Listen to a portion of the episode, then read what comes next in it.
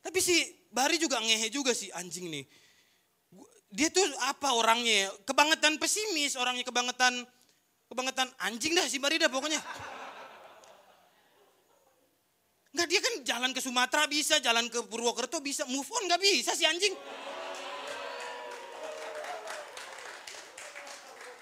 Perjalanan ke Sumatera berapa kilometer loh?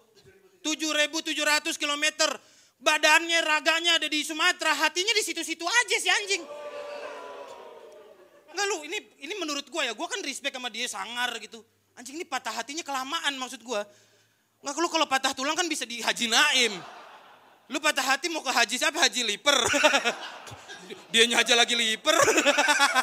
Gimana mau ngobatin lu anjing?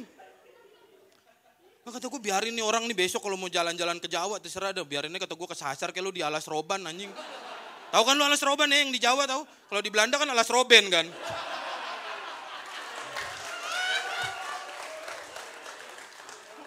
Di Trans TV alas Ruben. Dekat Indramayu alas Rebon. Kalau nggak jelas alas Rabun. Kalau warkop alas Ribon.